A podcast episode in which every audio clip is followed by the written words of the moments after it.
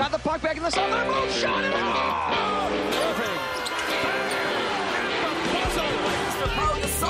And look, you want to go? Let's go then. Pagan coming in. Dives and he makes the catch. Locker Room, amb Ruth Vilar. Ruth Vila, Nova York, com estàs? Bona tarda. Hola, bona tarda. Uh, diumenge passat ens comentaves que acaba de començar la temporada de béisbol. Avui parlem de béisbol a Locker Room. Aquí als Estats Units ha començat la temporada, un esport que compta. Cada any es diu que perd més seguidors al país, oi? Sí, sí, això diuen les xifres, tot i que és veritat que l'any passat va ser un any boníssim pel que fa al seguiment d'audiència, sobretot de la sèrie final, eh, de, de la històrica victòria de, dels Chicago Cubs, que ha estat eh, un dels moments esportius més destacats de 2016 per molts periodistes esportius d'aquí, també per molts seguidors d'esports en general.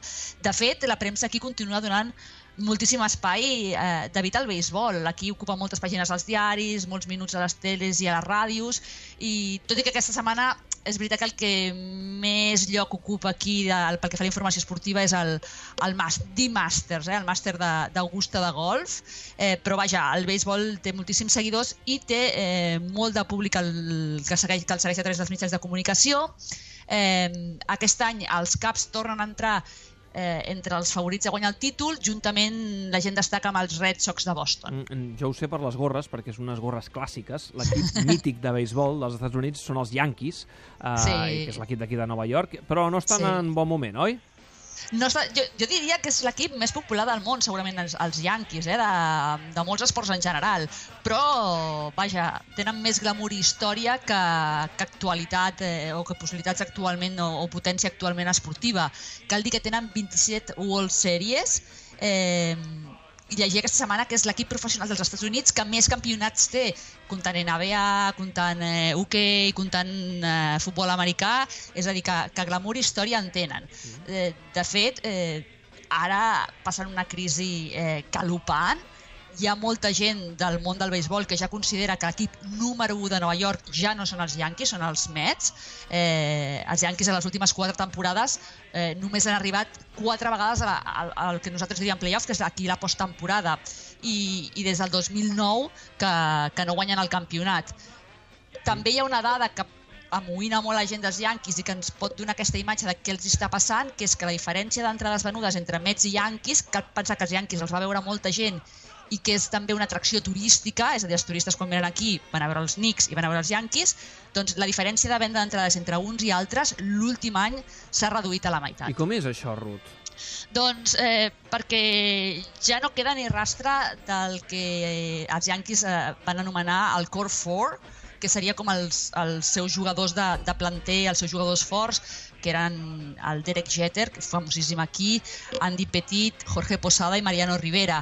Eh, jugadors que van arribar als Yankees sent amateurs i que es van formar i van créixer a l'equip del Bronx. Serien com, per exemple, si parléssim de futbol del Barça, doncs eh, el Xavi, l'Iniesta, el Messi i el, i el Piqué, doncs més o menys eren quatre jugadors molt importants aquí, aquí als Yankees, eh, tots ja retirats o que no estan jugant a l'equip. També ha impactat molt la mort de l'amo històric dels Yankees, de George Steinbrenner, eh, continua la seva família al capdavant, però ell va morir el 2010 i la gestió no està sent la mateixa i també hi ha molta gent que comenta el fet que, que la divisió de l'East ara és molt més potent i competitiva que fa uns anys quan els Yankees, pels Yankees això era un passeig. Aquesta cançó que sentiu de fons, que sembla de dibuixos animats, és l'himne dels Yankees, eh? Ara, escolta, escolta. O d'una sèrie dels anys 60-70. He pensat això. Eh? És Amb l'himne la. Marilyn i Baby Ruth i aquestes coses, no? Sí, exacte, exacte. Escolta, aquest any què? Ho poden, poden fer alguna cosa interessant tenen- o no? ho tenen complicat, complicat. Veurem com responen les, les estrelles. Eh, aquest any han incorporat a Haroldis Chapman, el pitcher esquerrà que arriba dels Caps precisament, i, i la gent doncs, eh, està molt a l'expectació amb jugadors importants que tenen, com és Gary Sánchez, que és el catcher, també el japonès Mashiro Tanaka, que va ser un fitxatge estrella i que no acaba de funcionar gaire. I, i eh, llegint aquests dies coses dels Yankees m'ha semblat molt curiós que Chapman, precisament, quan va desertar de Cuba, que després de jugar un campionat amb la selecció cubana doncs es va quedar a Europa, el que va fer és que va demanar la residència a Andorra. Andorra? Sí, sí, sí, em sembla curiosíssim. Molt. I des d'allà ja va poder arreglar els papers i es va poder incorporar a, als equips de, de professionals del, dels Estats Units. Uh, home, a veure, a Andorra hi ha molts portuguesos, però cubans no, no sabia sí, que és, també... és estrany, eh? No, no, no, sí, sí, és curiós.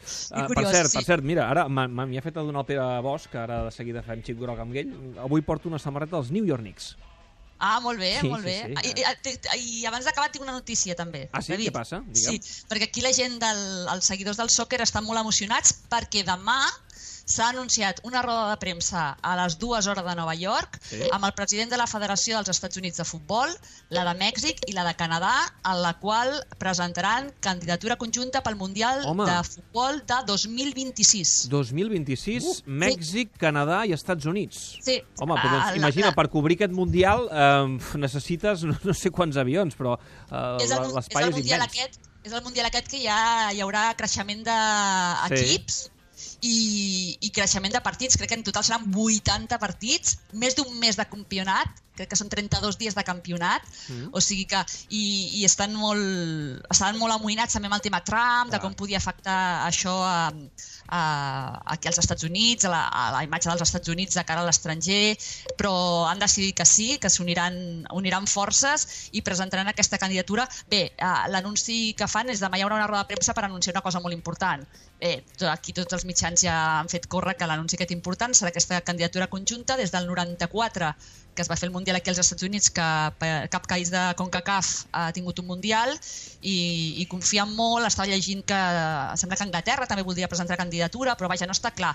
Els terminis són, ells anunciaran demà candidatura conjunta pel Mundial, crec que és a, Uh, hi ha temps des del maig de- d'aquest any fins al desembre de 2018. Mm. El 2019 s'avaluen eh, candidatures i el 2020 es falla i se sabrà qui organitza el Mundial de 2026. Eh, aquí tothom espera que sigui aquesta candidatura conjunta dels Estats Units, Mèxic i Canadà. Que bé que ens va tenir la rugby a la Nova York, eh? que ens avança notícies i mira, som els primers a explicar-ho eh? aquí a Europa, eh? o almenys a, a Catalunya, que hi haurà candidatura de eh, conjunt Estats Units, Mèxic i Canadà pel Mundial de Futbol del 2026. Ruth, gràcies. Adéu, bona tarda. Adéu-siau.